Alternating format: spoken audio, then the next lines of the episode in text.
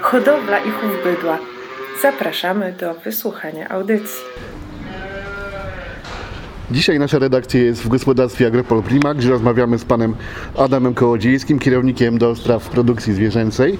Mimo, że mamy dość chłodny maj, to warto już pomyśleć o tym, co będzie, kiedy zrobi się cieplej. Pan Adam ma bardzo ciekawe tutaj swoje przemyślenia. Panie Adamie, prosimy, jak to u was wygląda? W okresie letnim w gospodarstwie przechodzimy na karmienie popołudniowe. E, zaczynamy pracę paszowozem od godziny 12, schodzi mniej więcej do godziny 19. E, dla krów dojnych TMR jest przygotowywany dwukrotnie. E, dzięki temu, że karmimy po południu oraz przygotowujemy ten TMR dwukrotnie, e, w momencie, gdy zwierzęta najchętniej go pobierają, czyli tak naprawdę w nocy, e, jest zimny, nie jest po prostu zgrzany. Gdy poprzednio mm, używaliśmy system jak większość gospodarstw, to znaczy y, karmiliśmy rana, e, rano, e, to TMR w momencie, gdy krowy najchętniej go pobierały, czyli nocą, był gorący i mi szkodził. A niech pan powie, czy są jakieś zmiany w ogóle w strukturze TMR-u w momencie? Nie, nie ma żadnych zmian. Ale wy- TMR utrzymujemy zawsze na tej samej wilgotności, czyli około 40% i cały czas jest tak samo. A Tylko jest- godziny karmienia się A zmieniają. jak jest z wentylacją w tym okresie u was?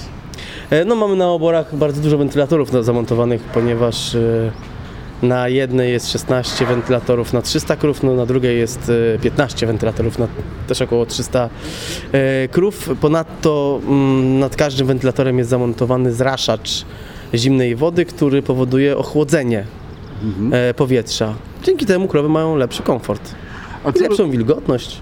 a co by pan doradził innym hodowcom właśnie w tym No na pewno okresie? przejście na popołudniowe karmienie to jest zdecydowanie najmądrzejsze rozwiązanie. E, No, im częściej podajemy krowom TMR, tym lepiej, czyli najlepiej, żeby chociaż te dwa razy były dziennie karmione. No i odpowiednia wentylacja to jest podstawa. To bez wentylacji to myślę, że ciężko jest e, w lato wyprodukować odpowiedniej ilości mleko. A czy właśnie w okresie letnim zauważyliście u siebie jakieś poważniejsze problemy? Znaczy nie, my w okresie letnim po pierwsze staramy się, żeby zwierzę typu krowa nam się nie cieliła. E, Jałówki oczywiście mogą się cielić, ale staramy się, żeby krowy się nie cieliły, żeby ich nie narażać niepotrzebnie na ten stres cieplny. A poza tym, jeżeli nie doprowadzimy zwierząt do tak zwanego przegrzania, to im nic nie będzie. Najgorsze jest, jeżeli zwierzę wejdzie w tak zwaną przegrzanie. Wtedy robią się problemy. I co się wtedy dzieje? No i znaczna obniżona, obniżona jest pobranie e, TMR-u, co za tym idzie jest obniżona produkcja mleka. Dzisiaj podczas naszej rozmowy wspominał pan właśnie o systemie e, tak jakby zaprogramowania tego rozrodu w waszym gospodarstwie, żeby uniknąć Tak, my po prostu jak przychodzi okres e, wrzesień, październik, listopad, to u nas inseminator, który kryje krowy, ma wolne. Po to, żeby krowy nam się nie cieliły w lato. To jest dla nas podstawa. Nie chcemy mieć letnich porodów krów, żeby ograniczyć e, wystąpienia między innymi przemieszczeń trawieńca. E, czyli pewnie w tym momencie w styczniu rozpoczyna się u Was duży... Tak, my teraz od stycznia właśnie, grudzień, styczeń e, kryjemy jak najwięcej zwierząt wtedy, nie?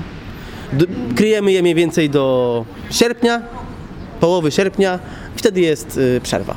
Fajnie, bardzo dziękuję za naszą rozmowę i mam Dziękuję nadzieję, bardzo. że się też spodoba naszym słuchaczom. Dziękuję bardzo, mówił Mateusz Łuciński.